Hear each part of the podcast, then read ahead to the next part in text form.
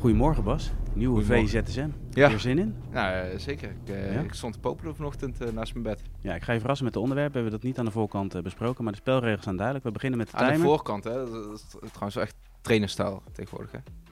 Nou ja, de trainerstaal. Dat is ook als je Nou, dat is echt format... zo'n echt zo'n trainersterm geworden, aan de voorkant. Aan de voorkant? hebben- nou, je, je moet het aan de voorkant goed voorbereiden. proces, toch? Daar ga- gaat ja, het meer precies, over. aan de voorkant, ja. Zullen we de timer starten? Ja. 10 minuten. Eh, Bas, ik wil het hebben met jou eh, over de man van 13 miljard.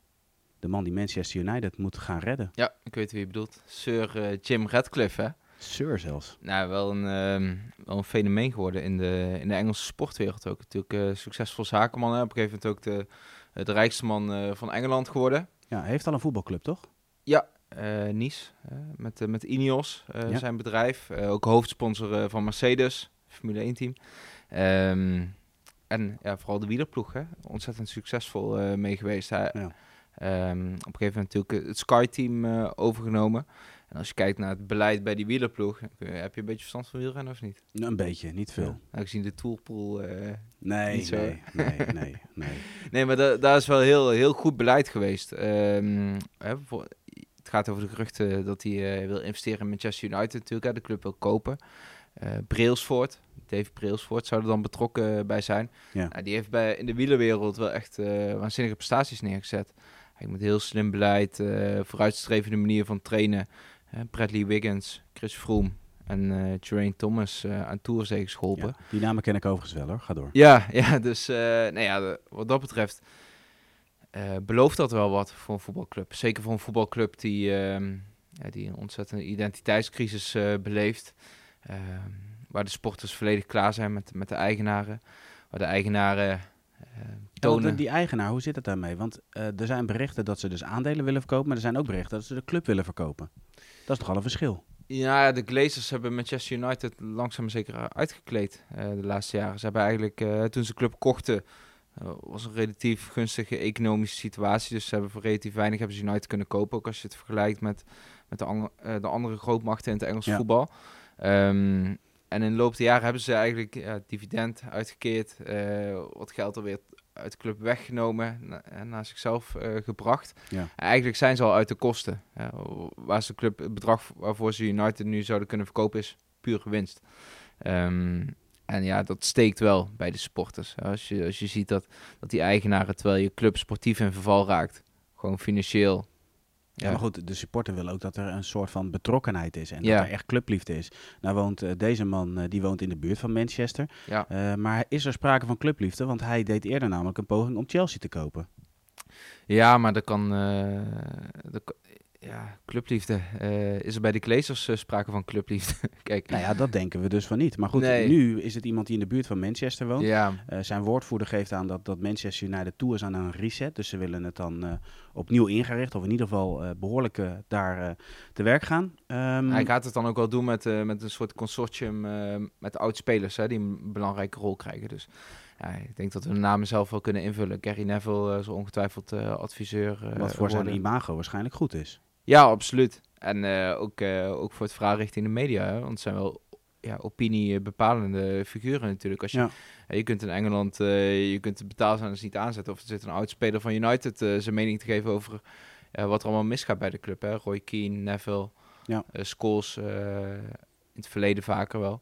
Ehm, dus ja, ik denk dat hij er heel verstandig aan doet ook om vooral die iconen erbij eh, te betrekken. Want, Ja, bij United, eh Gullit zei van ze moeten stoppen met het eh, praten over het verleden. Hè.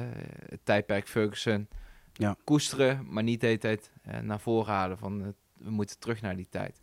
Alleen ja, het is, eh, het is een soort kaart die ze kunnen spelen bij United. Hè. Zodra het over Ferguson gaat en de successen uit die tijd, dan ja, dat is Ja. een tere plek bij de supporters. En eh, dat is eigenlijk ook de manier om weer hoop te geven richting de toekomst.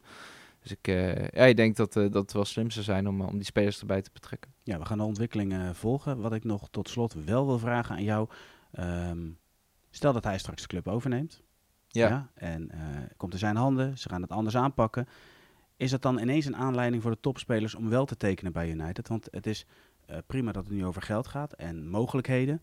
Maar de andere kant, de club moet ook aantrekkelijk zijn voor spelers. Ja, Is dat dan al het moment dat je aantrekkelijk bent voor spelers? Pak ook Newcastle bijvoorbeeld. Ja, ik denk dat Newcastle wat dat betreft van een goed voorbeeld is. Ehm, dat het ook nog even tijd nodig heeft. Hè, Newcastle, eh, vorig jaar direct na die overname ging het over eh, de, de meest waanzinnige sterren. Hè? Ja. Categorie Neymar werd over gesproken. Nou, als je dan ziet wat ze deze zomer halen met, eh, met Nick Pope, gedegradeerd eh, met Burnley. uitstekende keeper verder. Eh, Sven Bobman. ehm Matt Target hebben ze natuurlijk eh, vastgelegd, die al zo gehuurd. Prima aankoop, maar je verwacht grotere namen. Ja, Bruno Guimaraes is wel echt een, eh, een topversterking. Hè? Ja, die is echt waanzinnig goed, ja. Maar het is inderdaad niet uit die, die top-top eh, Nee. En eh, ja, bij United natuurlijk wel een andere status dan Newcastle. Alleen ja, als speler, als topspeler zou het mij denk ik toch wel een onzeker gevoel geven als ik nu zou kiezen voor United. Als je betere opties hebt. Hè. Ja. Ehm, ik denk dat clubs met beter beleid, zelfs in misschien wat kleinere competities, bijvoorbeeld een Dortmund of zo, zou Mhm. nog aantrekkelijker zijn. Misschien niet zo Jawel, maar daar is het verhaal dan weer dat je vanuit Dortmund weer een stap kan maken. Dat je aantrekkelijk bij altijd Champions League voetbal speelt, Ja. bovenin in Duitsland. Eh, daar hebben we ook voorbeelden van ontwikkeling van spelers die ja, in de groei is. Kijk, bij United ja, is wat dat betreft is dat anders. Pogba is niet beter geworden daar, Nee, maar bijvoorbeeld. Nee, we hebben het er vorig seizoen eens over gehad dat United eigenlijk een soort omgekeerde wasstraat is. Hè? Je, je, je Ja. gaat, je gaat schoon in en je komt er vies uit. Er is geen speler bij United die, die de laatste jaren echt beter is geworden. Die van en buitenaf meer waard gehaald is geworden. Nee, Nee. klopt. En zelfs spelers hè, om, om wie Manchester City heeft meegestreden hè, om ze binnen te halen. Fred had Manchester City ook interesse in. Maguire, hè, Guardiola vond hem ook eh, interessant. Nou, United wint dan die strijd om die spelers. Maar ja, het komt vervolgens niet uit de verf eh, op Old Trafford. Ja, we gaan het volgen. Ehm, volgende onderwerp heel kort. Vanavond AZ en FC Twente ja, die komen in actie voor een ticket eh, in de Europa League. Ja, AZ thuis tegen Gil Vicente. En eh, FC Twente gaat op bezoek in Florence bij Fiorentina. ja. Ja, wat verwacht jij van die wedstrijden, Bas? Nou, ik verwacht voor Twente vooral een, een legendarische trip eigenlijk. Onze verslaggever Rehan Boeringa is daar. Ik zou hem gisteren tweeten. Liefhebber van het Italiaanse voetbal. Ja, ik zou hem gisteren tweeten dat de taxichauffeur ehm, trots eh, een foto eh, opzocht op zijn telefoon met uh, Battistuta. Zo, de- met Rui Costa die tijd, hè? Ja. Oh, Die shirts ook, hè? ja. Nintendo? Was Nintendo, zeker, zeker. Ja, ja, ja. ja. Nee, ja, eh, dat eigenlijk, ja, zo'n trip is denk ik alles wat je wilt van, eh, bij een Europees eh, avontuur. Ja. En zijn niet kansloos, hè. Fiorentina eh, in de openingsspeelronde tegen Cremonese eh, gespeeld. 3-2 gewonnen met heel veel geluk. Ja, het is geen... eh, het is geen topploeg. Het is, het is een, een club met een hoge, grote status. Maar tegelijkertijd eh, biedt het denk ik wel kans hoor. Ook omdat er best veel geroleerd wordt eh, bij Fiorentina sowieso. Het is ook maar een beetje de vraag altijd bij die teams uit die grote competities. Van in hoeverre zitten ze echt op een eh, Europese avontuur te wachten. Eigenlijk heel gek, hè, want heel het seizoen lang spelen ze om Europees voetbal te bereiken. En dan is het daar en dan hè, zit dat drukke Coëfficiënten. programma's toch ooit eh, dwars. Ehm, Spanje nemen ze het wel serieuzer over het algemeen. Coëfficiënt ook, hè, Bas? Belangrijk. Maar goed, Ja, we gaan hier nee. morgen uitgebreid op eh, terugblikken in de Ja. nieuwe VZSM. Ehm, ja, we gaan naar de meest gelezen rubriek eh, op v.nl. Tenminste, Ja. de rubriek de meest gelezen items op v.nl. Eh, Ronaldo geeft de media schuld van alle leugens en binnenkort komt de waarheid op tafel.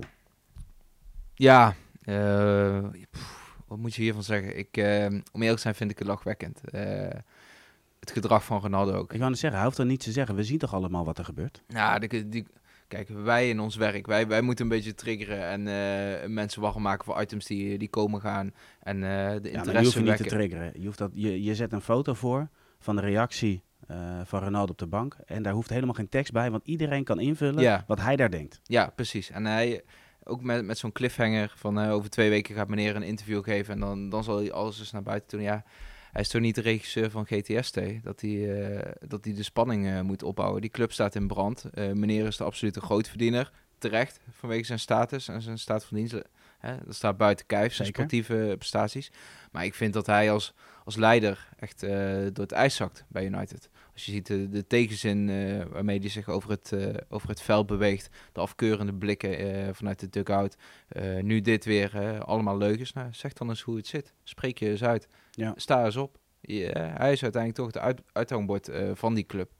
En hij, ehm, hij laat Den Haag ook aan, aan zijn lot over. Hè. Na het later aansluiten in de voorbereiding is het Sir Alex Ferguson die in actie moet komen om Ronaldo ja, ertoe eh, te bewegen dat hij, dat hij weer gaat trainen. Ja. Ehm, ja, Ja, maar ja, wat moet Ten Hag doen? Uh, Gullit gaf daarover, uh, tenminste die gaf zijn mening daarover in Rondo. En die liet weten van, had direct gewoon zijn vertrekwens uh, moeten respecteren. En zeggen van, oké, okay, hij mag weg. Maar ja, wat, wat Ja. ga je dan doen? Want dan schep je weer een bepaald beeld bij supporters. Eh, het zorgt voor sentimenten. Het is wel Ronaldo, weet je. Er zal een deel achter hem staan. Een deel uiteraard ook niet, maar een groot deel wel natuurlijk.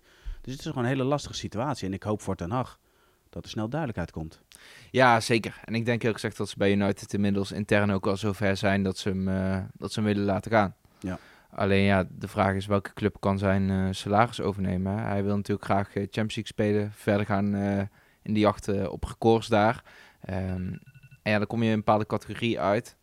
Ehm, ja, Atletico Ja. is denk ik wel de meest waarschijnlijke optie nog, nu. Ja. Simeone, kijk, natuurlijk, de sports hebben zich daar al tegen afgekeerd.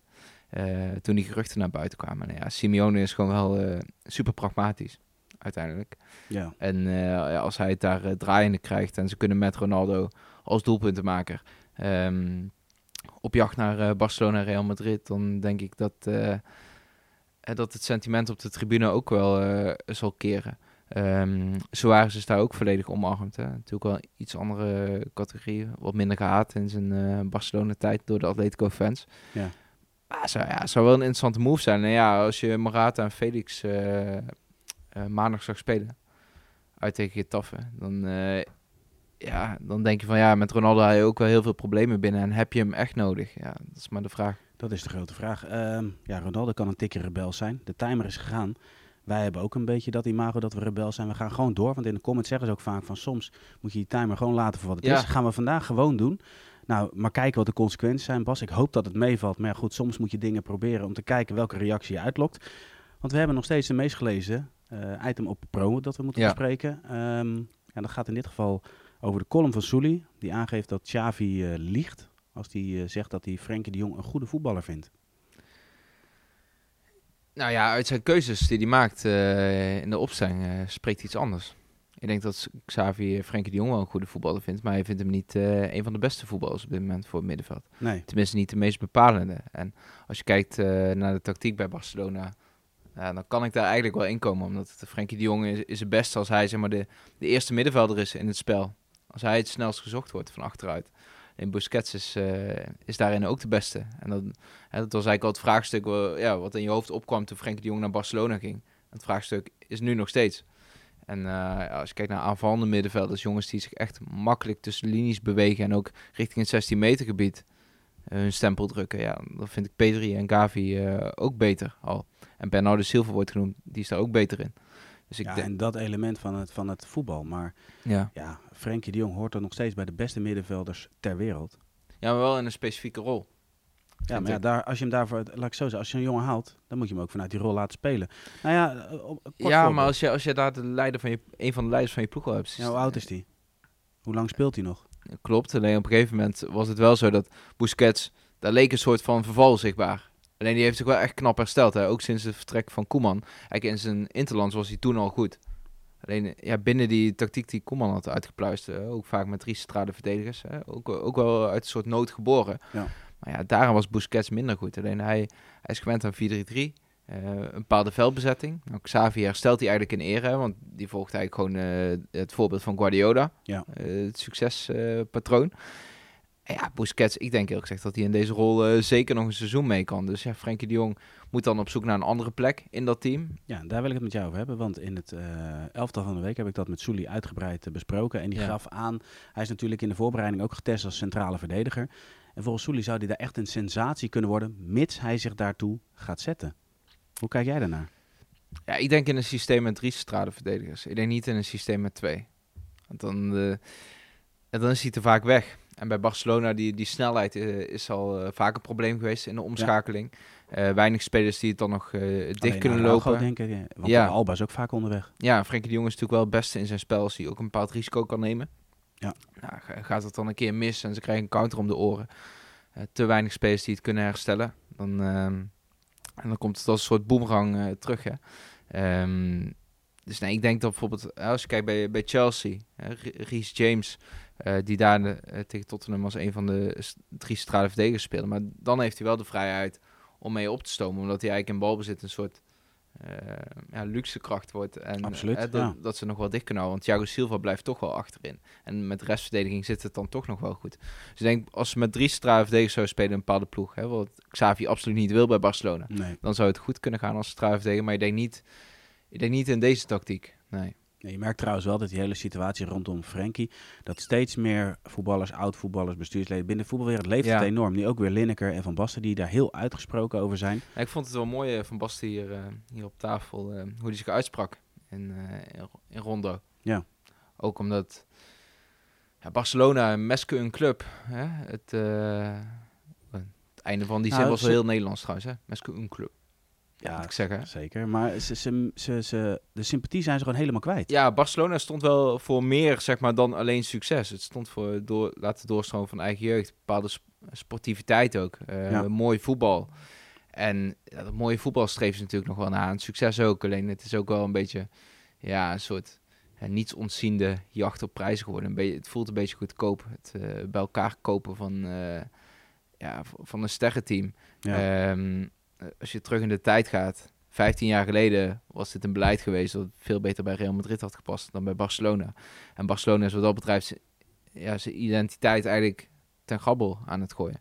Absoluut. Eh, Bas, hoe kijk je terug op deze ja, eigenlijk lange versie van de VZSM? Ja, ik ben helemaal eh, wakker geworden. Ja. Dus, Ja. eh, het is wel even vroeg zo, maar eh, we kunnen er tegenaan. Hè? En nu afwachten wat de consequenties zijn. Hè? Ja, maar jij gaat erover hè? Als, eh, als chef eh, video. Nou ja, uiteindelijk is eh, de hoofdredactie die geeft aan het moet kort. Nou, laten we hopen dat ze niet kijken. Ja, we gaan het meemaken. Bas, dankjewel. Jongens, jullie bedankt voor het kijken en voor het luisteren. En morgen ja, zijn we weer terug met natuurlijk een nieuwe VI ZSM. Doei!